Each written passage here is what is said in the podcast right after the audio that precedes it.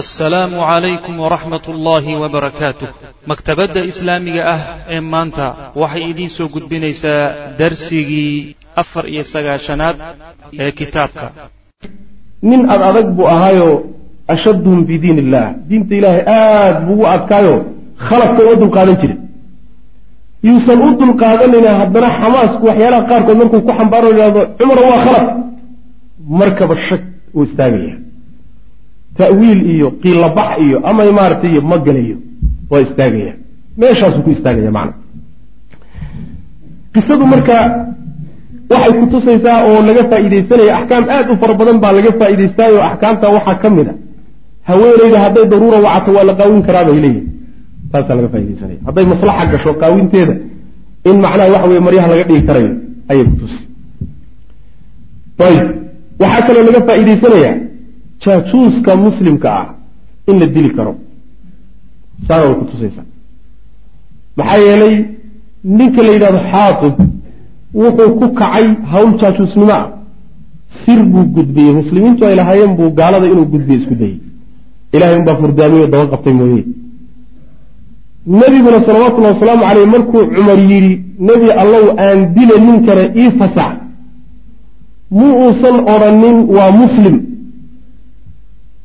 haddii uu muslimka hadduu jaajuusnimo ku kaco aan la dili karaynin nebigu wuxuu ku cilayn lahaa markuu cumeeyey aan dilo wuxuu ku cilayn lahaa waa muslim. Muusan ku cilaynin nebigu wuxuu yidhi dilkiisa waxaa baajiyey beder buu ka qayb galay beder buu ka qayb galay waxaa marka fuqahadu u daliishanayaan waxaa daliishanaya culimada qabta jaajuuska muslimkaa in la dilayo oo xaddiisu ay dil tahay. Saasay u daliishanayaan waana istidlaalafkooda iyo adiladooda kuwa ugu xoog badan bay ka mid tahay macana waxaa kaloo loo daliishanaya iyadana qisadan saato adiladeeda ay ka mid tahay ruuxa muslimka ah ee islaamnimadiisa horey loo ogaa haddii uu ku kaco camal daahirkiisu gaalnimona ay suurtoobi karto gaalnimona aan ixtimaali karin hadduu sameeyo ilaa la weydiiyo ujeeddada uu ka lahaa gaalnimo lagu xugmin maayo waa qisooyinka qisadaa loo daliishadaa lianna ficilka uu ku kacay daahirkiisu waa muwaalaat lkufaar gaaladii oo wilaayo la siiyey wey oo sirtii muslimiinta la siiyey. Gaalada oo wilaayo la siiyana waa kufri waa gaalnimo. Haddii ujeeddadeedu ay tahay diintooda iyo mabda-ooda ood jeceshood ku qanacsanta waa ridda can ilislaam haddiise laakiin waxoogaa damac adduunyo iyo hunguri uu kugu xambaaray waa ka gedisantahay labadaaba hadday ixtimaali karto oo ficilkiina ficil daahirkiisu uu muuqdo inuu yahay muwaalaa ujeeddada ruuxa marka waa in la fiiriyo la weydiiyo la yhahdo maxaad uga dan lahayd. Hadduu yidhaahdo diintoodiiyo mabda-oodaan jeclahay hunaa yuxkam biriddati wa kufrihi. Haddii uu yidhaahdo may ee sida xaadibba uu yidhi adduunyaa iga tan badatay oo waxbaa jir jiray oo waxyaalo kale uu sheeg sheegana waa muslim dembi galay waaye. Waxay ka mid tahay dawaabitu takfiir adilada loo deliishada ayay ka mid tahay macnaha waxaa kaleeto oo ka mid oo qisada iyadana loo deliishadaa ruuxa muslimka isagoo muta'awil ah oo waxoogaa daliil isyaro tusay wax daliil u yar hadduu ruux muslim ah gaalnimo ku xugmiyo ama munaafaqnimo ku xugmiyo ama seefba uu la fuuloo dilaayey ta'wiilkaasi in loogu cudurdaarayo ta'wiilkaasi in loogu cudurdaarayo leanna cumar markuu yidhi ninku waa munaafiqa aan dile ii fasaxa nebiyow munaafaqnimuu ku xukumay. Cumar haddii aan loogu cudurdaari lahayn muta'awilnimada munaafaqnimadu isagay dib ugu laaban lahay halis buu geli lahaa. Bal haddii uu macnaha waxa weeye jacayl diinta uu jecel yahay iyo raqbo islaamka uu jecel yahay iyo yacni xanaaq uu islaamka dartii u xanaaqaya hadday ka tan badatay uuna ijtihaaday oo ta'wiilku halkaa la galay waa ma'juur. In macnaha waxa weye dembi soo gaadhay iska badbaayay taana waa loo daliishanaya oo qisadii macnaha waxa weye aan yani ku soo aroortay ninkii khamrada cabi jiray saxaabiga ahaa oo kaleeto wey macnaha khamrada intuu cabay aayadda qur'aankaa daliishan jiray dhihi jiray aayad qur'aan oo khamrada banaynaysan hayaaba. Markii layi war khamrada maxaad u cab laysa cala aladiina aamanuu wacamiluu saalixaati junaaxun fima dacimuu ida ma ataqow wa aamanuu wacamiluu saalixaati uma ataqow dadka mu'miniinta ah hadday ilaahay ka cabsadaan waxay cunaan looma haysto oo dembi ka soo gaari maayo. Aniguna ilaahay waan ka cabsaday.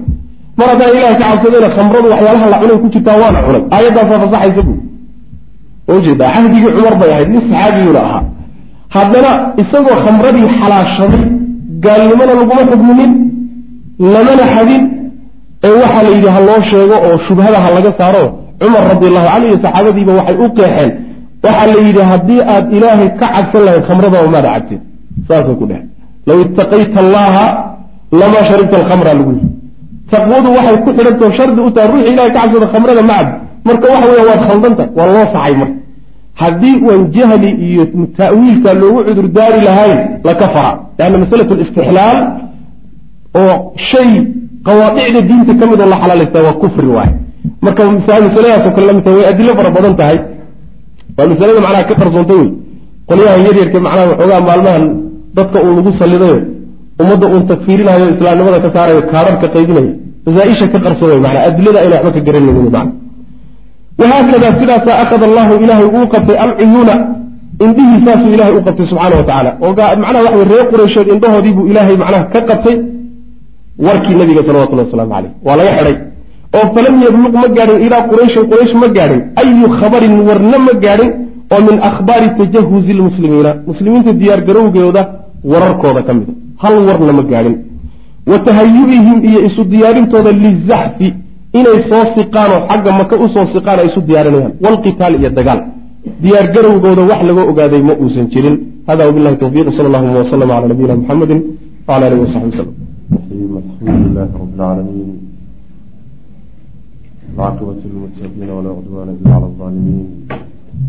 wsali allahuma wslm cala nabiyina muxamedi wcala alihi wasaxbihi ajmaciin ama bacd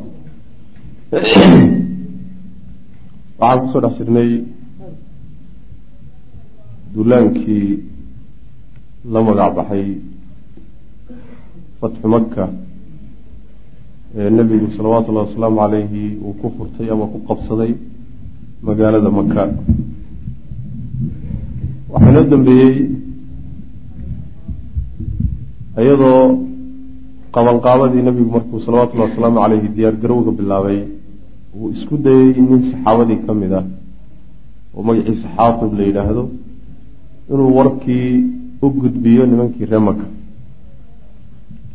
arrintaasoo la ogaaday oo xagga rabbi subxaana wa tacaala nebiga looga sheegay salawatullahi wasalaamu caleyh qisada marka xaatib waxaa ku soo degtay suuratu lmumtaxina ya ayuha aladiina aamanuu laa tatakiduu caduwii wacaduwakum wliyaaa tulquuna ilayhim bilmawadda aayaadkaas ilaa la sii wado lan tanfacakum arxaamukum walaa awlaadukum caruurtiina iyo qaraabtinimadiina aada dembiga u galaysaan waxba idiin tari maayaan ilaa ilahi ka yidhahdo subxana wa tacala qiyaamada marka la gaadho macna waxaan soo gaadhnay marka aljeishu lislaami yataxaraku naxwa maka ciidankii muslimiinta oo u dhaqaaqay xagga maka aljeishu lislaami ciidankii muslimiinta oo yataxaraku dhaqaaqaya naxwa makata xagga maka u dhaqaaqay. Walicashirin khalowna toban markay ka tageen min shahri ramadaana bishii ramadaan toban maalmood markay tageen almubaaraki ee la barakeeyey sanata thaamin alhijri. Sanadkii sideedaad ee hijrigana ah bishii ramadaan. Toban berina ay tagtay ayaa qaadara rasuulu llahi sal ly slam nabigu wuxuu ka tegay almadiinata madiine ayuu ka tegey. Mutajihan isagoo u socda ilaa makata xagga maka u jihaysta u socda fii cashrati aalaaf toban kun buu dhexdooda baxay oo min asaxaabati saxaabada ka mida radia allahu canhu toban kun oo nin buu nebigu wataa salawatullahi wasalaamu caleyh xudaybiyana wuxuu watay kun iyo shan boqol oo nin buu watay farqiga udhexeeya ufiirsa marka waa laba sano wax ka yar laba sano wax ka yar ayaa wuxuu nebigu salawatullahi wasalaamu caleyh ku helay ciidan gaadhaya sideed kun oo siyaado ah halkaasa marka ka garan karnaa. Sulxigii iyo heshiiskii xudaybiya wuxuu ilaahay ugu magacaabay subxaana wa tacaala fatx mubiin. Ah yani guul cad iyo macnaha waxa weeyaan furasho ilahay ku magacaabay subxana wa tacala wastakhlafa cala almadiinati madiine guddoonkeeda wuxuu u sii dhiibay oo kaga tegay nabigu salawatullhi wasalaamu caleyhi abaa ruhmin alkhifaari ninkaa saxaabiga ah. Yaa magaalada lagaga sii tegey walamaa kaana markuu ahaaday nebigu biljuxfa aw fawqa dalika ama meel ka yara sarraysa markuu marayo ayaa laqiyahu nabiga waxaa la kulmay camuhu adeerkii alcabaas ibnu cabdilmualib walxaal wa kaana wuxuu ahaa cabaas qad kharaja mid soo baxay biahlihi reerkiisa iyo ciyaalihi caruurtiisa yuu la soo baxay musliman isagoo muslima muhaajiran oo soo hijrooday markaasuu xagga maka ka yimidoo soo hijrooday isagii reerkiisa iyo carruurtiisabuu soo qaatayo inuu islaamu rabo maanaa wuu islaamay. Uma lama kaana markuu ahaaday rasuulu lahi sal lay sl nabigu markuu joogo bilabwaa meesha abwo la yidhaah ayaa laqiyahu haddana waxaa la kulmoo ka hor yimid ibnu cammihi in adeerkii abu sufyaan ibnu alxaaris wa bnu cammatihi iyo eedadii wiilkay dhashay oo magaciisa la yidhaha cabdullaahi ibnu abi umaya yacni umu salama ayay isku hooye yihiin umu salama isku hooye waxaan ujeeda ayay isku aabba yihiino xagga aabbay ka walaala yihiin. Hooyadiina waa caatika binti cabdilmualib nabigeenna eedadii salawatullahi wasalaamu caleyh ayaa dhashay. Ninkaasoo yaa nabiga ka hor yimid salawatullahi wasalaamu caleyh fa acrada nabigu waa ka jeedsaday salawatullahi wasalaamu caleyh canhumaa labadooda labadaa ninay midna ilmaadeerka yihiin midna eedadii dhashay markay ka hor yimaadeen buu labadaba ka jeedsaday. Limaa kaana muxuu uga jeedsanayaa limaa kaana wixii ahaa uu ahaa nebigu sal ly wasalam yalqaahu mid uu la kulmo mid la kulma minhumaa xaggooda mid kala kulma oo min shiddati aladaa dhib badan iyo iyo walhajwi aflagaada. Ah yacni hajwiga waxaa la yidhahdaa ruux ceebihiisoo la tirtiriyo la sheegsheegaa la yidhahda marka cayta badan iyo aflagaado iyo dhib badan yay nebiga ku hayn jireen salawatullahi wasalaamu caleyh taa daraaddeed ayuu uga jeedsaday. Fa qaalat lahu ummu salama ummu salama nabiga waxay ku tihi salawatullahi wasalaamu caleyh laa yakun yaysan ahaanin ibnu cammika in adeerka wa bnu cammatika iyo wiilka eedadaa dhashay. Ashqa annaasi dadka kuwa ugu nasiib daran bika adig. Dadka kuwa kuugu nasiib daran yaysan noqonin intaasoo nin baa hadda ka hor khalad gashay oo gaf samaysay oo khaladaad waaweyn galay. Maantana haddii aada intaad ka jeedsato aada soo dhaweyn weydo waxaa laga yaabaa inay meelo xunba ka dhacaan. Marka dadka dad dadka kuugu fog ee inkaartu ku dhacday yayna noqonin bay tala noocaas u soo jeedsa wa qaala caliyu wuxuu yihi liabi sufyaan ibnu lxaaris cali baa abu sufyaan la teliyo waalmaadeer isagana wuu la teliyey wuxuu ku yidhi iti rasuulalahi iti rasuula allahi sal lay slm nebiga u tag. Min qibali wajhi xagga wejigana ka soo qaabil kaga imow. Yacni dhinac iyo gadaal midna kagasoo ka soo gelina wejiga kaga imow.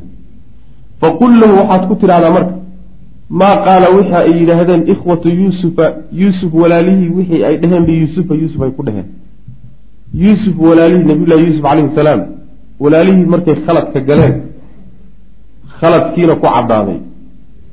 Hadalkii ay walaalkood u jeediyeen ayagoo ku cudur daaranaya hadalkii u jeedi buu yihi nabiga salawatullahi waslamu caleyh adoo cudur daaranaya oo khaladkaagiina qiranaya muxuu hadalkaas? Qaaluu waxay yidhahdeen ilmo yuusuf tallaahi ilaahay baan ku dhaaranay laqad aaharaka allaahu. Ilaahay baa naga kaa doortay calaynaa dushannada yuusufow wa in kunnaa waxaanan ahayn lakhaadi'iina kuwa gafsan yacni waanu gafnay oo khalad baa naga dhacay. Waadna naga qumanay oo waad naga gar lahay ilaahay baana naga kaa doortayoo rabbi baa ku xushay subxaana wa tacaala anaguna dhoobaan ku dhex dhacnay. Sidaa daraaddeed hanugu kalax tegi wey macna. Hanugu kalax tegine noo tur fa inahu nabigu laa yardaa ma jeclo oo raalli kuma aha an yakuuna inuu ahaado axadu ruux axsana mid ka wanaagsan minhu xaggiisa qowlan hadale cidina inay ka hadal fiicnaato ma jeclee sidaa ku dheh fa facala dalika arrinkaasuu sameeyey abuu sufyaan sidii buu yeelay faqaala lahu rasuulu lahi sal ly sl nebigu wuxuu ku yidhi laa tasriiba calaykum alyowm yakfir allahu lakum wahuwa arxamu raaximiin waa jawaabtii uu bixiyey nabiyullaahi yuusuf calayhi salaam markii ay walaaladii u cudur daarteen ila wuu jawaabay isaguna hadalkoodii wuu ka jawaabay jawaabtii buu nabigu ku jawaabay salawatullah waslamu caleyh wuxuu ihi laa tasriiba wax canaan ah. Calaykum dushiina ma ahaanin alyawma maanta waxba laydinma haysta wey macana eedi idinma saarna. Yakfir allahu allaha dhaa wuu dhaafi alle lakum idinka ama ha idiin dhaafo.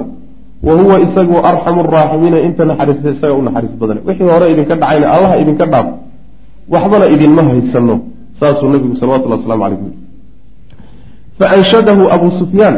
Abuu sufyaan baa markaa geeraaray abyaatan baydad ayuu ku geeraaray oo minhaa abyaadda ay ka mid ahaayeen. Lacamruka inii xiina axmilu raayatan litagliba khaylu laata khayla muxammadin lakalmudliji alxayraana adlama layluhu. Fahada awaanii xiina uhdaa faahtadii hadaanii haadin gayru nafsii wadallanii cala allahi man daradtuhu kula mudaradii lacamruka noloshaadaan ku dhaartay. Innii anigu xiina axmilu markaan xambaarayay raayatan calan. Markaan calan dagaal siday. Litagliba si ay uga adkaato khaylun laata laata fardihii u dagaalamahayey khayla muxamedin maxamed fardihiisa si ay uga adkaadaan markaan calan u siday lakalmudliji nin guurahayo oo kalan la mid aha. Alxayraana oo wareersan. Kaasoo adlama uu mugdiyoobay leylu habeenkiisii u mugdiyoobay. Nin guuraynahayo haddana wareersanoo jihadu ka luntay. Oo habeenkii haddana ku mugdiyoobay.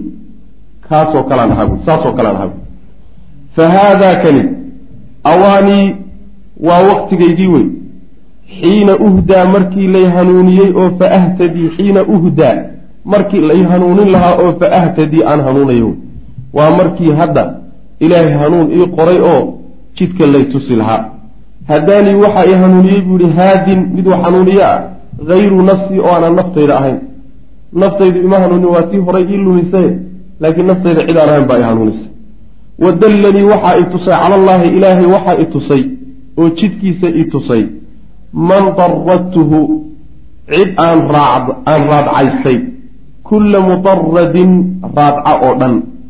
Cid aan meel walba u maray sidii aan ama u dili lahaa ama dhib u gaadhsiin lahaa oo aan geed dheer iyo geed gaabanba u fuulay ayaa ilaahay jidkiisii itusayoo igu hanuuniyey. Nebigu ku wadaa salawatullahi wasalaamu caleyh macnaha wuxuu ka shallaytiisanya wuxuu isgarab dhigaya xaaladda hadda markuu hanuunay oo islaamka qaatay uu yahay iyo xaaladii waagii hore uu ahaa. Markii hore ee uu dagaalada calanka u sidi jiray ee dagaalami jiray ee uu nebiga salawatullahi wasalaamu caleyhi la dagaalami jiray yuu wuxuu isku tirinayaa waagaa inuu lunsanaa oo nin habagsanahayo oo intuu macnaha habaabay habeennimo lugeynaya oo kaleetaan ahaa buu yihi waagaas laakiin hadda waktigii ilaahay i hanuunin lahaa ayaa la soo gaadhay waxaana i hanuuniyey cid aan naftayda ahayn oo ilaahay ah subxaana wa tacala ilaahayna waxaa i tusay jidkiisa oo igu hanuuniyey muxamed oo aan si walba u raadiyey oo aan si walba u raadcaystay oon u caydsaday ayaa macnaha waxa weeyaan jidkii alla i tusay buu lehay macnaha. Lacamruka innii anigu xiina yacni khaylu laata khayla muxamedin wuxuu ka wadaa laata waa sanamkay caabudi jireen fardaha laatana wuxuu ka wadaa waa fardihii mabdaa laata ee shirkiga u dagaalamayay fardaha gaalada. Khayla muxamedinna wuxuu ka wadaa fardihii muslimiinta. Ilan mabdaa nebiga salawatullahi wasalaamu caleyh waa xumbaarsanaa bay u dagaalamayeen lacamrukaan ku dhaartay innii anigu xiina uxmalu xiina axmilu le marka aan xambaarayay raayatan calan calan dagaal litagliba si ay u adkaatana aan u xambaarayay khaylu khaylun laata laata fardaheedu fardihiisu si ay u adkaadaan khayla muxamedin muxamed fardihiisa si ay uga adkaadaan. Calan markaan u xambaarayey lakalmudliji nin guuraynahayoo kalan la mid ahaa. Alxayraana oo wareersan kaasoo adlama uu mugdiyoobay leyluhu habeenkiisu uu mugdiyoobay. Fa haadaa kani marka awaanii waktigaygii wey xiina wakti weeye uhdaa lay hanuuninayo oo fa ahtadii aan hanuunayo hadaanii waxaa ii hanuuniyey haadin mid hanuuniye ah hayru nafsii oo aana naftayda ahayn. Waa ilaahay baa hanuuniyey. Maxaa yeele naftiisi iyo caqligiisi iyo garashadkiisa hadduu ku hanuunayo horu u hanuuni lahaa wey macna. Wadallanii waxaa i tusay cala allahi ilaahayna waxaa i tusay oo jidkiisa iyo diintiisa igu hanuuniyey. Man daradtuhu cid aan raadcaystay oo aan macnaha caydhsaday oon raadsaday kulla mudaradin raadca oo dhan. Aana waxba ula hadhin wey macna waxaan ula hadhay raadcaysigiisa nin uusan jirin ayaa ilaahay i tusay iyo jidkiisa oo nabiga uu ka wada salawatullah waslamu caleyh fadaraba rasuulu lah sal lay slam markaasuu nebigu wuxuu ku dhuftay oo u garaacay. Sadrahu laabtiisa ayuu ku dhuftay wa qaala wuxuu ihi anta daradtanii kulla mudaradin adiga weeye ninka aan waxba iila hadhine raadco walba i raadcaystay. Macnaha waxa weeye si aadan isugu dayin inaad wax ii yeesho maba jirin wey macana af iyo adin midna wax walba ninka isku dayay aduu ahaa buu nebigu salawatullah waslamu aleyh saas macana ayib markaa kadib abu sufyaan islaamkiisu waa wanaage waa wanaagsanaaday. Oo macnaha waxa weeye raggii wuxuu ka mid ahaa markaa kadib goobaha wan wanaagsan ka qeyb galay oo nebigu xataa waxaa la sheegaa inuu ugu markhaati furay salawatullahi wasalaamu caleyh inuu ahlujanno yahay. Aljeyshu lislaami yanzilu bimari dahraan ciidankii muslimiinta uu soo degay meesha la yidhaahdo mari dahraan.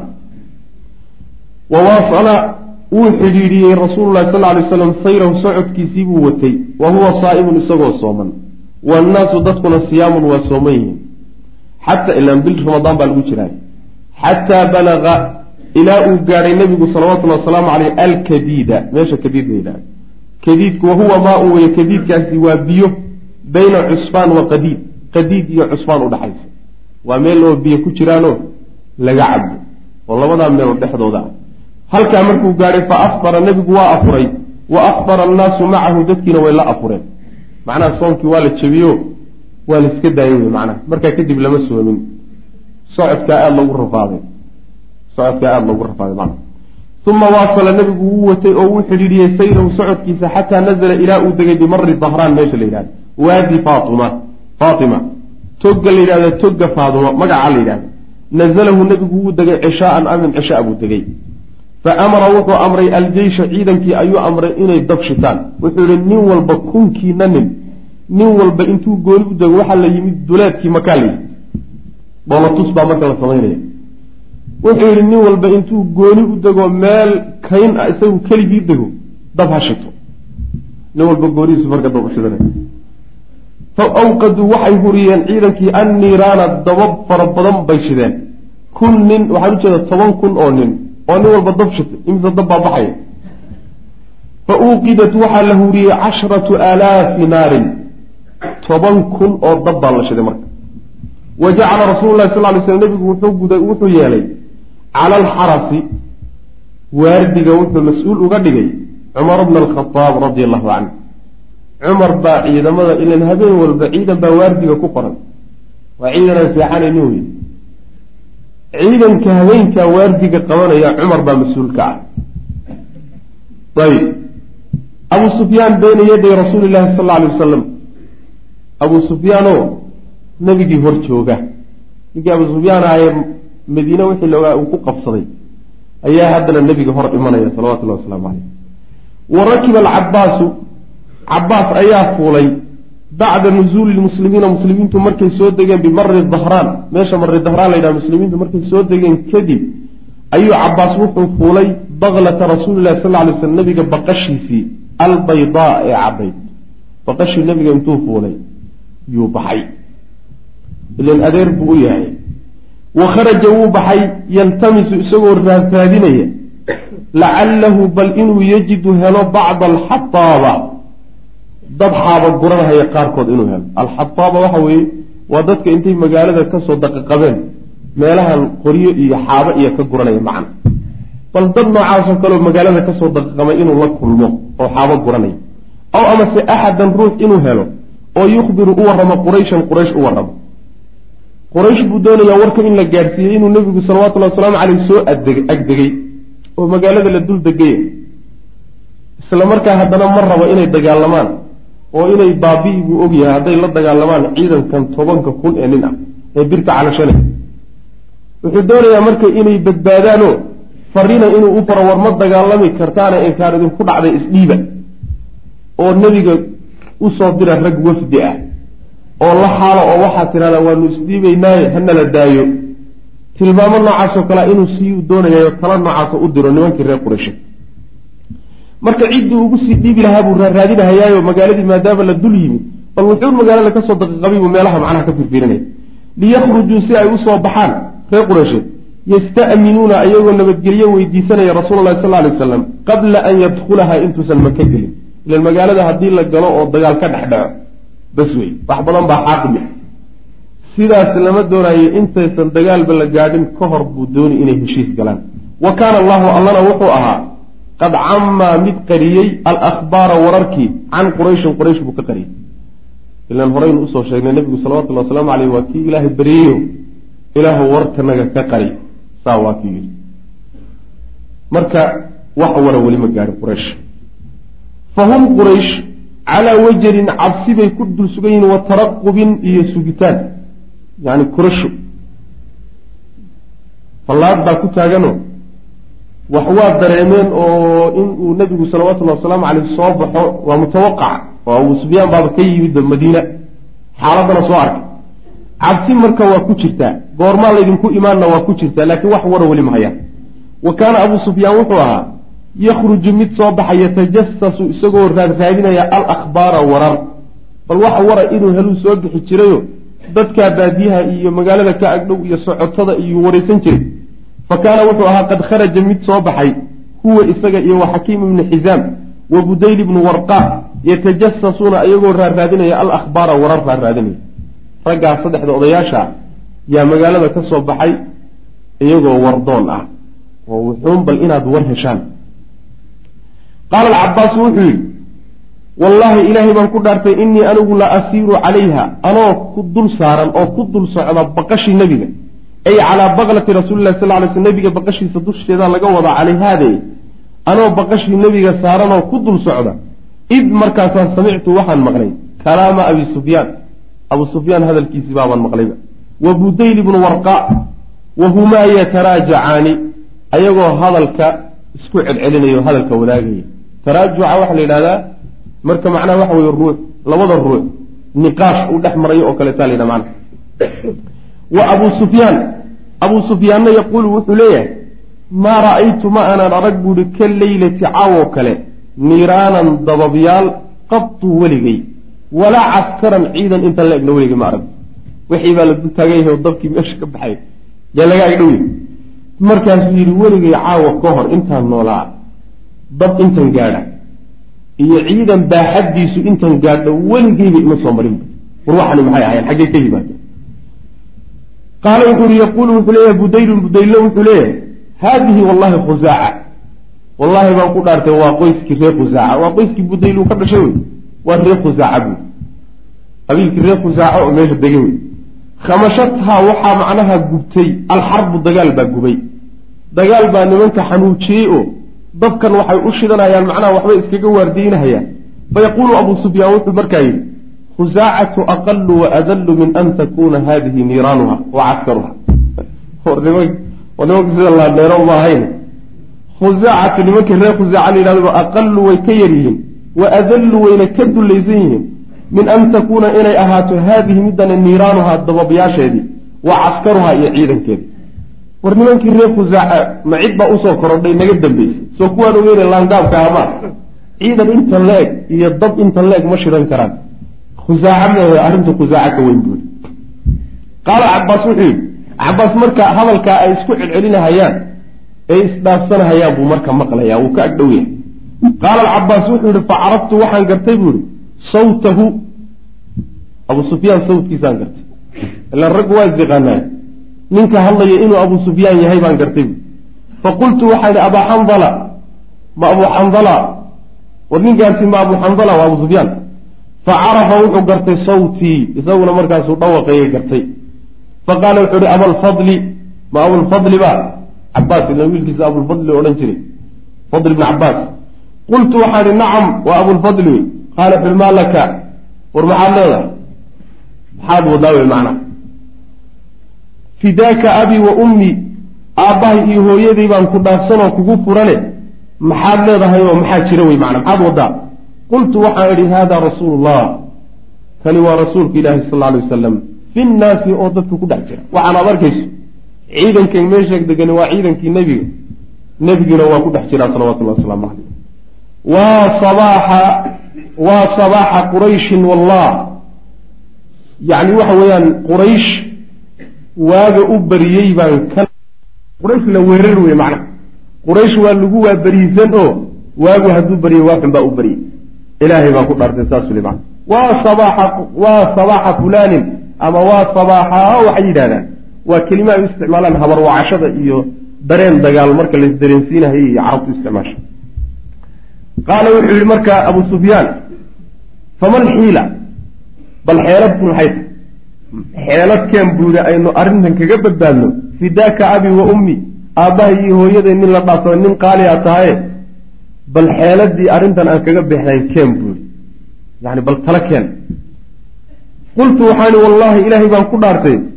Lain dafira bika hadduu nebigu kugu guulaysto oo gacanta kugu dhigo layadribanna wuxuu garaacay cunuqaka luquntaada haddii gacanba lagu dhigo abu sufyaanow luquni kuguma taallo. Saa ku talagal baa ayib maxaan ku taliyaa marka? Maxaa lafahaygana ku badbaaday? Cid kaleetana aan ku badbaadiyaa waa isdhiibay ilan markuu madiine joogay ayaa si adag loo jilciyey. Hadda waa jilcisanya marka waxaba yaraatee macnaha waxa weye nin dagaal iyo macnaha niyadii uu ku jira ma ah siduu ku badbaadi lahaa unbu hadda maarata nafsi nafsi bay ka taaganta ayib wuxuu yihi marka taladii buu taluu kula teliyey xoogaa markuu qalbiga ka weeraray oo cabsi geliyey oo argagax ku riday yuu yihi talana waatana iga qabso marka. Farkab fuul buu yihi marka fii caajizi haadihi albakla baqashan simaheeda soo ful buu yihi yani qaar dambaha xagga dambe qaarka horeen ka saarnay mooy qaarkeeda dambe soo fuul. Xataa aatii bika rasuul lahi sal lay slam ilaa aan rasuulka kuu geeyo. Si aan rasuulka kugu geeyo fa asta'minuhu laka oon markaa nabadgelyo kaaga qaado. Yacni aniga intaad i raacdo anoo kuwada aan rasuulka kuu geeyo salawatullahi wasalaamu caleyh aanan ka codsado nebigu inuu ku nabadgeliyo oo lagu daayo ballafahaaga uun lagu badbaadiyo. Intaa aan kuu qabtee iraac buu baqashan ha ka hadhina dabada soo qabso. Fa rakiba wuxuu fuulay buu yihi abuu sufyaan khalfii gadaal buu ka soo raacay. Wa rajaca wuu laabtay way laabteen saaxibaahu. Labadii odayee la socdayna way iska laabteen. Qaala wuxuu yihi cabbaas fa ji'tu bihi. Abuu sufyaan baan keenay. Fa kullamaa marartu mar kastoon la soo maro bihi isaga calaa naarin dab oo min niiraani muslimiina muslimiinta dababkoodii ka mid a. Yacni ciidankii oo ilaa xaggee isdaba yahay ayuu macnaha soo dhex marinayaa abuu sufyaan isagoo baqashii ku wada.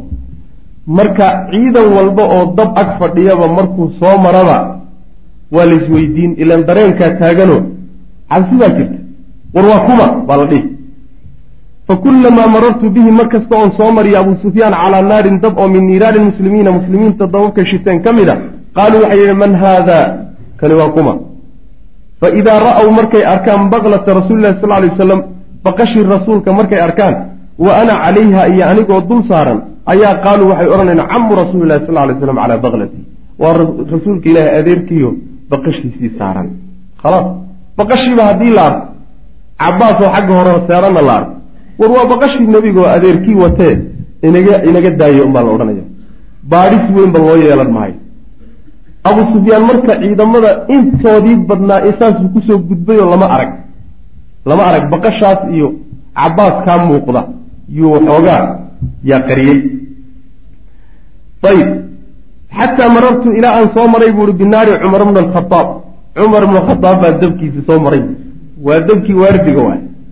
Ilan ciidanka intiis kale waa iska degan yahay laakiin kan waxaa loogu dalay waa waardigii khaaska ah wey dabkii waardiga oo ugu dambeeyey baan markaa soo maray kii cumar fa qaala wuxuu yihi man haada kani waa kuma wa qaama ilaya waabana isi soo taagayba isagu xaggaa kamuusan hadline hadal iyo wuxuu isugu daray isagoo isi soo taagay falamaa ra'aa markuu arkay abaa sufyaan markiiba indhihiisaa ku dhacay odaygii abuu sufyaan ahaa markuu arkay oo calaa cajzi daabbati oo macnaha waxa baqasha xagga dambe ka saaran ayaa qaala wuxuu yihi abu sufyaan qaala wuxuu yihi cumar baa odhanaya abu sufyaan ninkani soo abu sufyaan ma ah caduwullah ee cadowgii ilaahay ahaa alxamdu lilahi aladii amkana minka bigayri caqdin walaa cahdin waxaa mahad iska leh allaha ku soo gacangeliyey ayada oo wax heshiis ah iyo nabadgeliya midna inaga dhexayna meeshaad maanta ku badbaadi lahayd baa loo baahanyahay saas aflibaax buu galay alxamdu waxaa mahadlay buu ihi lilahi ilahay bay usugnaatay alladii allahaasoo amkana minka ku soo gacangeliyo ku hantay bikayri caqdin iyadoo heshiis uusan jirin walaa cahdin ballanna ayna inaga dhaxaynin. ilan ballani hadday jirto waxa weeya waa badbaadi lahaa. uma kharaja markaasuu baxay. yashtaddu isagoo ordaya naxwa rasuli lahi sal lay slam xagga nebigu markiiba u orday. wa rakadat albaqlatu yani cumar baa u ordayey wa rakadat way ruclaysay albaqlatu baqashiina way oroday. fa sabaqad way ka hormartay. xagga nebigu u ordiyo maaqano ma idan iyo waxbuu soo qaadanaya inuu soo fasax qaato dilkiisu rabaa malina baqashii cabaasna marka wuu ogaaday wuxuu yidhi haddii lagaaga hormaro nebiga oo la yidhaahdo abu sufyaan baan gacanta ku hayaaye ma dilaa. Dil inuu yidhahda laga yaabo saa daraaddeed ka gaadh yaan lagaaga hormarin baqashiibu isaguna caydhi faktaxamtu markaasaan iska soo tuuray buuhi cani ilbaqlati baqashii baan iska soo tuuray haddaan cabaas ahay. Fadakaltu calaa rasuuli lahi sal lay waslam markaasaa nebiga uga horgalay wa dakhala calayhi cumaru cumarna markaasuu u soo galay nabiga salawatullahi wasalaamu caleyh waa laysku qabsaday marka. Halkaa nebigu hortiisaa yaa laysku helay. Cumaroo ninka inuu dilo doonahayo iyo cabaasoo inuu badbaadiyo doonay fa qaala wuxu uhi yaa rasuul allah rasuulka ilaahay cumar baa odhanaya haadaa ninkani abuu sufyaan wey waa cadowgii ilaah.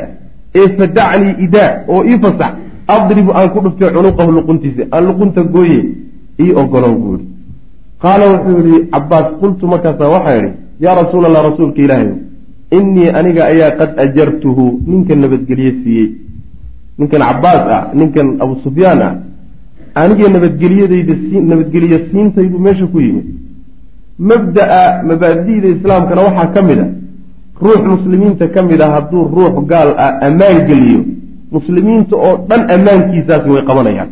Waa in la ammaan geliyo wey macana ayib uma jalastu markaasaan fadhiistay buu yihi haddaan ahay cabaas ilaa rasuuli lahi sal ly slm nabigaan la fadhiistay fa akhadtu bira'sii markaasaan madaxa qabtay faqultu waxaan ihi wallahi ilaahay baan ku dhaartay laa yunaajiihi in uusan la faqaynin alleylata caawa axadun ruuxna duuni aniga sokaday ruuxna caawa iiga soka mari maayo yani nabiga salawatullahi waslamu aleyh wuxuu ka cabsani intuu ka tago in loo soo dabamaro oo markaas lala faqo oo wax laga dhamaysto odaygan sidii uu ku badbaadin laha ku furdaamin laha arrintiisa ubuu ku dadaalaya caawa ninna iiga soko mari maayo la faqidda nebiga ninna caawa iiga soko mari maayo.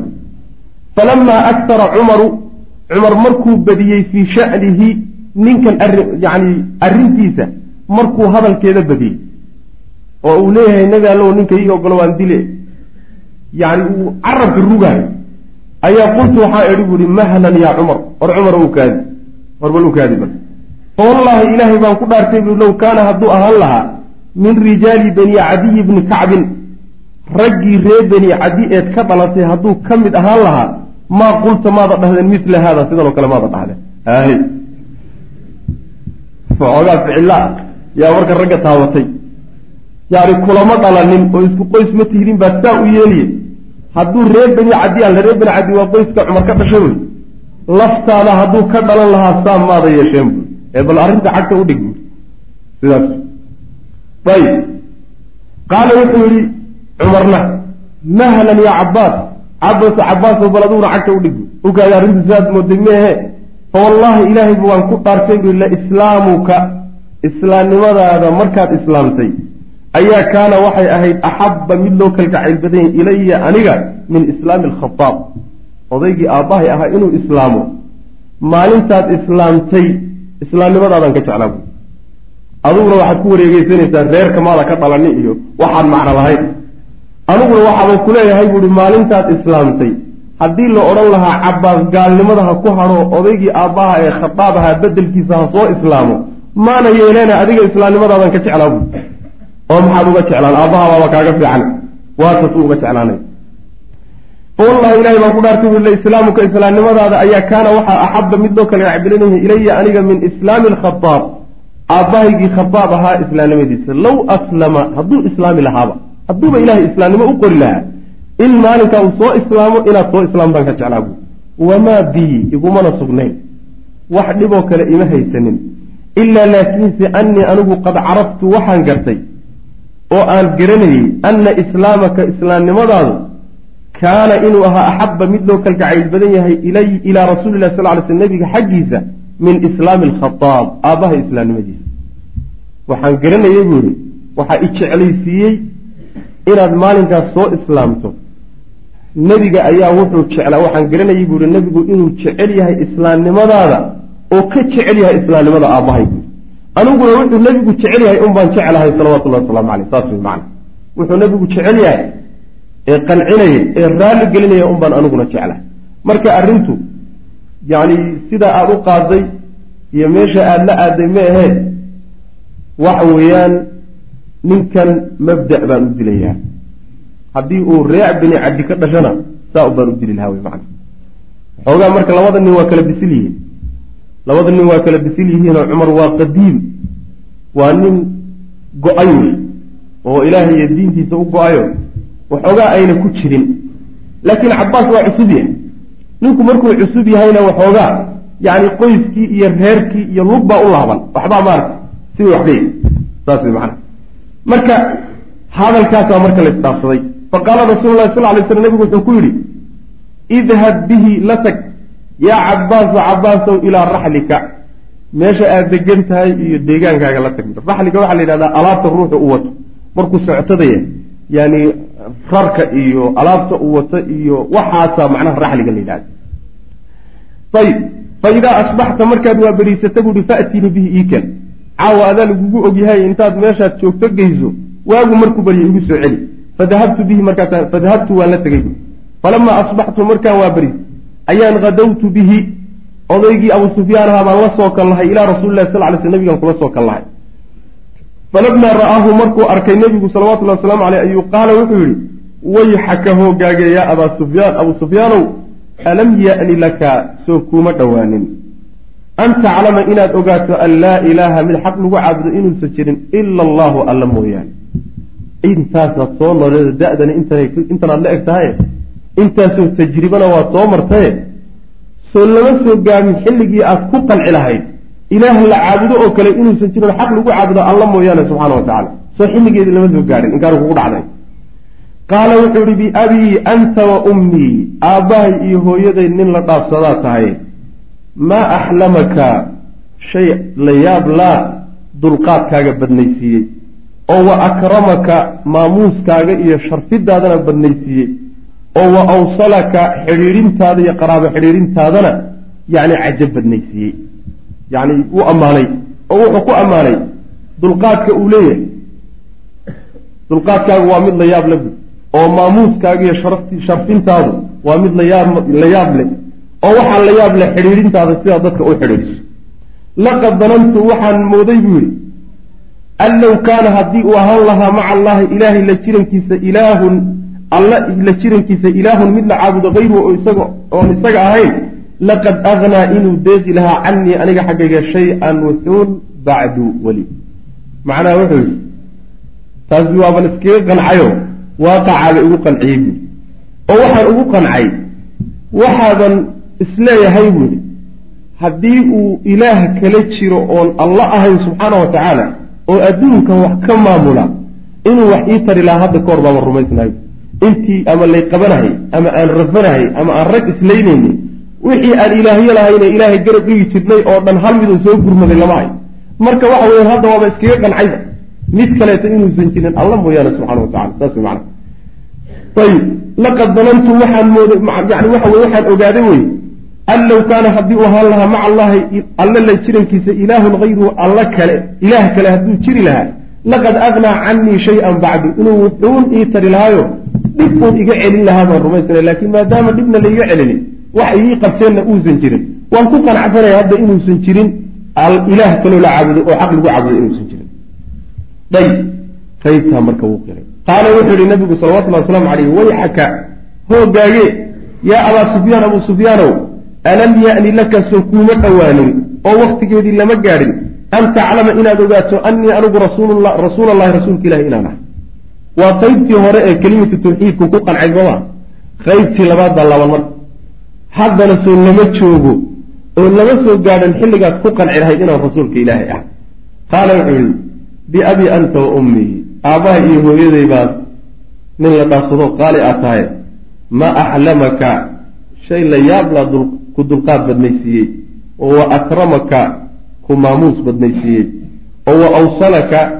Ku xidhiidhin badnaysiiyey qaraabada xidhiidhinteeda ama haadihi middanse oo inaad rasuul tahay ah fa ina fi nafsi naftayda dhexeeda waxaa ku jira xata alaana ilaa hadda minhaa xaggeeda shay-an waxbaa kaga jira weli iyada kuma qancin wey macana weli sidaan taa hore ugu qancay uguma qancin oo weli naftaydu waa ii yara diidan tahayo weli macnaha si fiican uguma qanacsani saasuu leeyay faqaala lahu lcabbaasu cabbaas baa marka wuxuu ku yidhi wayxaka aslim war inkaari kugu dhacday iska islaam waa odaygii cabbaas ahaaye dadba uu ka naxay isaguu hayida hadduu de talada hadda ku diido meeshaa bannaan lagu tuuro ayaankii unbaa dhici sooma war inkaari kugu dhacday meelaad u laabato ma waxbana kaama dambeeyaan. Iska ashaado iska islaam bu ashhid qir yihi an laa ilaaha mid xaq lagu caabudo inuusan jirin ila allahu alla mooyaane. Wa ana muxamadan muxamedna rasuululahi rasuul allah rasuulullahi rasuulka ilahi inuu yahay qir saasuu ku yidhi. Qabla an tudraba intaan la garaacin cunuqaka luquntaada intaan luqunta lagugu dhufanin fa aslama markaasuu islaamay. Wa shahida wuxuuna qiray shahaadat alxaq. Qiritaan xaq ah. Shahaadada xaqa ah buu ku dhawaaqayoo sidii buu marka ku islaamay. Macasi bay ka tahay. Miyuuba kuba qancay laba aclam. Laakiin waxa weye wuu islaamay. Islaamnimadiisuna way toostay oo saxaabadii nebiga ee ajillada ahaa ayuu gadaal dambe ka mid ahaa radi allahu canhu. Ayib qaala cabaas wuxuu yihi ya rasuul allah rasuulka ilaahay ninkan maadaama marka oday uu ahaayo ugaas ahaayo suldaan ahaayo ree maka oo dhan ay ka dambeeyeen waxoogaa kelimo sasab ah oo loogu yaro madax buurahay waa in la yidhahdo marka.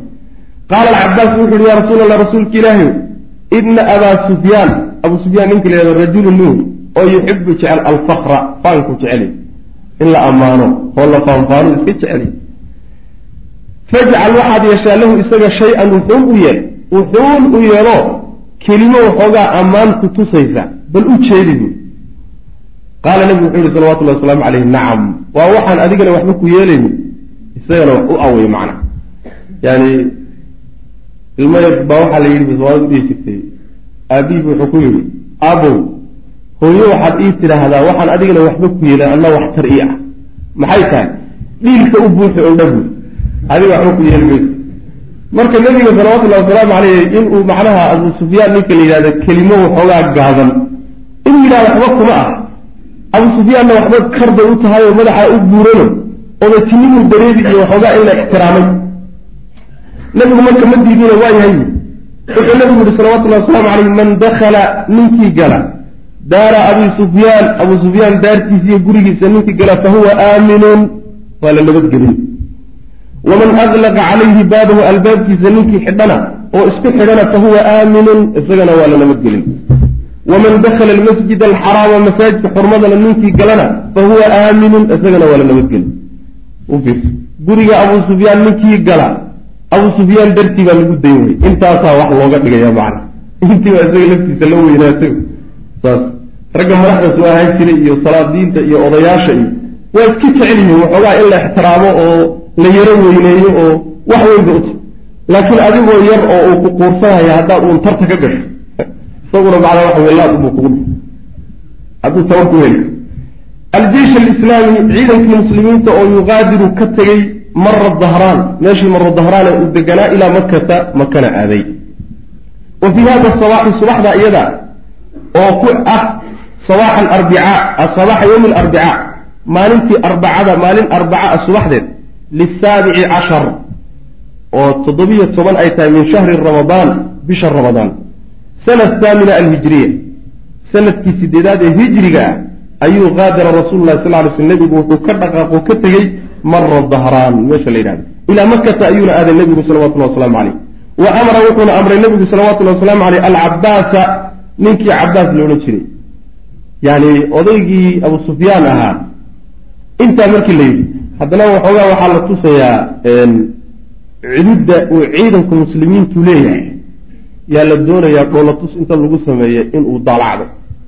Saasuu nabigu rabaa salawatullahi wasalam si isu sii dhigo mooraalka dhab uga baabao oo waxaba yaraate ee muqaawamo iyo dagaalan iyo midna isugu dayin macna wuxuu marka nebigu uu amray cabaas an yaxbisa inuu xabaaso oo celiyo. Abaa sufyaan ninkii odayga abu sufyaan ahaa biriiqi lwaadi togu meesha uu cidhiiriga ka yahay. Cinda khatmi ljabali buurtana sankeeda ah. Yani khatmi ljabal waxaa la yidhahdaa buurtu meel ay macnaha ka soo yara taagantaho meelaha dadku ay maraan iyo jidadka kaga soo baxsan tahay oo jidka cidhiirido sanka macnaha buurta sankeeda waa la yidhahda somalida lafteeda san bay tiraa buurta sankeeda. Meel buurtu saa ka soo tago jidkooda cidhiiri ka yaho tog ah. Meeshaas buurta dusheeda intaad saarto halkaas istaaji buu nabigu ku yihi salawatullah waslamu caleyh. Halkaa ku hay xataa tamura ilaa ay marto bihi isaga junuudullahi ciidamada ilaahay ilaa ay maraan oo fa yaraaha uu arko macna ilan markii horeba dabkiiba argagixiyey fa facala wuu sameeyey cabaas sidii buu yeelay fa marat ilqabaa'ilu qabiilooyinkiibaa soo maray calaa raayaatiha iyagoo calamadooda wata qabiil qabiil baa loo socdaa loo dagaalgeli oo qaababkii faatigyadii loo dagaalgeli jiray bay ka mid tahayo qoys walba ninkii xataa aan ilaahay dartii u dagaalamin oo reerkiina amay ceeri soo gaadhaabu u dagaalami marka qabaa-ishiioo socda oo yani waxa way qolo walba calankoodii wata ayaa marka soo maray. Fa marat ilqabaa'ilu qabiilooyinkiibaa soo maray calaa raayaatiha iyadoo calamadoodii wata. Kulamaa marat qabiilatun mar walboo qabiil uu maraba qaala wuxuu leeyahay ninkii la odhan jiray abu sufyaan yaa cabaasu cabaasow man haadihi? Tani waa tuma. Qabiilkani kee ahaa? Fayaquulu wuxuu leeyahay masalan tusaale ahaan sulaymun waa reer sulaym. Fayaquulu wuxuu leeyahay maanii wali sulaym. Waanigii reer sulaym maxaa na kala galay? Waa wax la yaab leh. Wa reer sulaym maxaa maka ka galay? Uma tamuru waxaa soo maraysa bihi isaga alqabiilatu qabiilo kalaa soo mari. Fayaqulu wuxuu odhanay yaa cabaasu cabaasow man haaulaai? Kuwanayay ahaayeen. Fayaqulu wuxuu leeyahay musayna waa reer musayne wey fayaqulu xataa nafidat ilaa ay dhammaatay alqabaa'ilu qabiilooyinkii ilaa ay wada dhammaadeen ilaa ay wada fuleenoo ay wada mareen macna fayaqulu wuxuu leeyahay maa lii wali musayna oo aniyo reer musaynana maxaana kala galay xataa nafadat ilaa ay fushay alqabaa'ilu qabiilooyinka o dhan ilaa ay fuleenoo ay meesha wada gudbeen maa tamuru ma marayso bihi abu sufyaan qabiilatun qabiil ma maro ilaa haddii uu maro sa'ala wuxuu weydiinayaa alcabaasa canha cabaas buu ka warsano wartaninaday ahayd buu dhihi fa idaa akhbarahu cabaas markuu u sheegana qaala wuxuu odhanayaa maa lii wali banii fulaan war anigii ree hebel maxaana kala galay waa arrin la yaab leh kaab iyo kala dheeri wey bal qabaa-isha meeshaas ka yimid ee inta aan isu jirno weligana aanaan dab kala qaadanin darisna aan ahayn bal maxay marka ka soo dooneen waa la yaab saasuu leeyay xataa mara ilaa uu soo maray bihi isaga rasuululah sal alay wasalam rasuulkaa soo maray fii katiibati isagoo horintiisii ku dhex jira alkhadraa ee cagaarka ahayd horintiisii goonida waa horin si gooni u tababarano waa xulkii ciidanka waaye oo muhaajiriintii ansaartii ah fiiha dhexeeda waxaa ahaaday almuhaajiruuna waalansaar laa yuraa lama arkayo minhum xaggooda ila alxadaqu indhaha mooyaane min alxadiidi biraha ku wareegsan daraaddeed kulligood waa wada maskaraadka wax laga arkay uja yacni gaashaanka iyo hubka iyo seefta iyo waranka iyo waxa ay wataan indhaha basaba ka soo jeedaba. Xadaqa waxa la yidhahda ilmadowda la yidhahda qaala markaasu wuxuu yihi subxaana allah yaa cabaas man haulaa hor ilaahay baa nadaana waa wax la yaab leh. Subxana allah waxay dhahaan markay shayga la yaabaan war waa waree. Waa wax lala yaabee kuwa lay ahay qaala wuxuu yihi hada rasuulu llahi sal alay wasalam waa rasuulka ilaah oo fi lmuhaajiriina waalansaar muhaajiriin iyo ansaar ku dhex jira. Qaala wuxuu yihi maa liaxadin ruuxna uma sugnaanin. Bi haaulaai kuwan qibalun awood walaa taaqatun iyo tabartoon wax nimanka nimanka maanta iska celin karaaye adduunka maba jiro. Intii laga doonaya intaas ahayd. Intii laga doonaya in la gaadhaba intaas ayadoo qalbigiisa in la jebiyo oo la tuso awoodda meesha socota intaas ahayd. Ayib uma qaala wuxuu yihi wallahi ilahay baan ku dhaartay yaa abalfadli fadli aabihiyow laqad asbaxa wuxuu ahaaday mulku bna akhiika mulku bni akhiika walaalkaa boqortooyadiisii waxay noqotay alyawma maanta cadiiman mid weyn ma boqor baa mise waa nebi weli waxaa ka sii muuqata macnaha hadalladii waxaad moodaa ma dabcin boqortooyadii wiilkaad adeerka u ahaydi alelaha maanta waa weyn tahay qaala alcabaas wuxuu yihi yaa abaa sufyaan inaha nubuwa waa nebinimo buu yidhi ee boqortooye ma aha qaala wuxuu yihi fa nacam idan waa yahay marka hadday nebinimo tahay waa ogolahay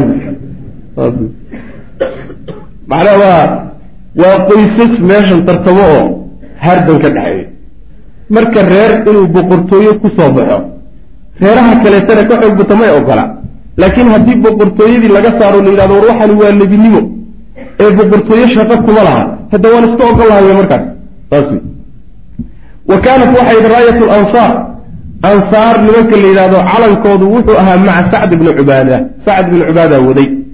Falamaa mara markuu soo maray biabi sufyaan abu sufyaan oo meeshii lagu hayo markuu soo agmaray ayaa qaala wuxuu yihi lahu isaga alyawma maanta yawmu lmalxama maanta waa maalin dagaal buui waa maalintii la isku rogman lahaa. Alyawma maanta ayaa tustaxallu lxurma. Xurmadii wixii xurmo lahaa ee xaaraam ahaa maanta la banaysan buui alyawma maanta ayuu adalla allahu ilaahay wuxuu duleeyey qurayshan quraysh maantuu duleeyey quraysh ilaahay maantuu duleeyeyo wax alla wixii idiin dhowrsoonaayo idiin qarsoonaa oo dhanna maantaa loo dhici doonaa.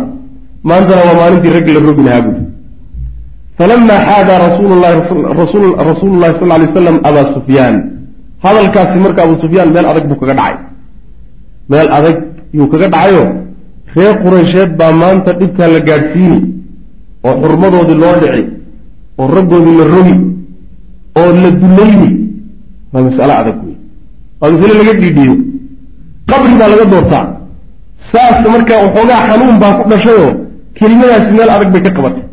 Arrintii buu marka nebiga uga dacwoonaya salawatullahi wasalaamu caleyh falamaa xaadaa markuu la soo sinmay rasuulullahi sal lay sl nebigu markuu la soo sinmay abaa sufyaan oo ilaan socodkii uu hayey ciidamadii markay dhaafeen socodkii nebigu uu socday markuu la simaya abu sufyaan ayaa qaala abu sufyaan wuxuu yihi yaa rasuul allah rasuulka ilaahayow alam tasmac soomaada maqal maa qaala sacdun? Sacad hadalkuu yidhi ma maqashay. Qaala nebigu wuxu uhi wamaa qaala? Oo muxuu yidhi faqaala wuxuu yihi kada wa kada sidaa iyo sidaasuu yidhi. Maanta waa maalintii quraysh laga faraqasan lahaa oo waxooda xurmadooda la xalaalaysan lahaa hadalkaasuu ninkaasi yidhi. Faqaala wuxuu yidhi cusmaan wa cabduraxmaan ibnu cawf. Labadaa nin oo nabiga la socday salawatullahi wasalaamu caleyh oo iyaguna reer quraysha muhaajiriin ah. Ayaa waxay idhi yaa rasuul allah rasuulka ilaahayow maa na'manu kama aamino aamin kama nihin an yakuuna inuu ahaado lahu sacdun. Sacdika la yidhahdo inay u ahaato fii qurayshin quraysh dhexdeeda sawlatun baabi'in. Ninkaasi inuu quraysh si xun u tirtiro aamin kama nihin bay dhahan maxaa yeele hadallada uuba sii dhaaranhayaaba nin sii miciyalisanayo marka ninkaas dadkaa laga gaadho saasay macnaha ku talinaya sawnada waxaa leedaha alsatwatu fi lxarbi yacni dagaalka markuu ninku si adag u galo oo wax uu baabi'iyo oo rogo ayaa la yidhaahdaa kaanat lahu sawnatun fi lxarbi baa la yidhahda faqaala rasulu lah sal lay slam nabigu wuxuu yidhi abu sufyaan isagoo macnaha waxay hadalka u jeedinaya bal arrinku siduu sacad yidhi ma ahee alyawma maanta yowma maalin weeye oo tucdamu fiihi lkacbatu kacbada ilaahay la weyneyn doono. Waa maalin ilahay kacbadiisa la weyneyn. Haddii uu sacad yidhi tustaxallu lxurmatu xurumaadkii iyo waxyaalihii muqadasaadka ah maanta waa la xalaalaysani. Saa ma ahee kacbada ilaahay maanta unbaaba la weyneyn. Alyawma maanta yowma yowmu maalin weeye oo acaza allahu ilaahay uu sharfay fiihi dhexdiisa qurayshan waa maalin ilaahay uu quraysh sharaf la damcay sacadna muxuu yidhi waa maalintii quraysh la dullayn lahaa buui nebigu marka waa waa ku macnaha waxa weye hadalkiisii buu ka jawaabayaayo la dullayn maayo waa maalintii la cizayn laha wa ficlan waa maalintii la cizayn laha islaamka ay qaadan lahaayeen reer quraysheed iyo odayaashoodiiyo wixii ka hadhay ayib uma arsala nebigu wuu diray ilaa sacdin sacad buu u cidiray rag baa markiiba loo diray fanazaca minhu liwaa calankii baaba laga qaaday waa la casilay ilan dhaarashadiisii baa la ogaaye ninkan ama wax baabi'iyaa baa le keligii hadduu gacan geysto wax weyn ma geysan karo. Laakiin ninku hadduu ciidan wato ciidanka unbuu dalbani. Ciidankiibaa marka laga casilay oo nin caadiya laga dhigay. Wa dafacahu nebigu wuxuu u dhiibay calankii ila bnihi wiilkiisii qaysin ahaa. Haddana calankii lagama fogeynine. Meesha waa la dudiya yani oo shaydaan baa dadka la xidhiidho waxbaa ibaan karee? Wiilkiisii baa loo dhiibay. Oo macnaha taana dejin waay macnaha reerkii kama dhex bixin calanka reerkii unbaa sida odayga ha laga qaado laakiin waxa wiilkii unbaa loo dhiibay wa ra'aa wuxuu arkay ana liwaa calanku lam yakruj inuusan kaba bixinba can sacdin. Sacad maba dhaafinba. Maadaama wiilkiisi loogu dhiibay sacad ma dhaafin. Dhibkii laga cabsanayena waa laga badbaadi. Wa qiila waxaa la yidhi oo iyadana la sheegaa bal dafacahu nebigu wuxuu u dhiibay ila zubayr. Calanka zubayr baa loo dhiibayna ayadana waa la yidhaahdaa. Walaalayaal darsigaani halkaas ayuu ku eg yahay allah tabaaraka wa tacaala waxaan ka baryaynaa inuu nagu anfaco. Assalaamu calaykum waraxmat ullaahi wbarakaatu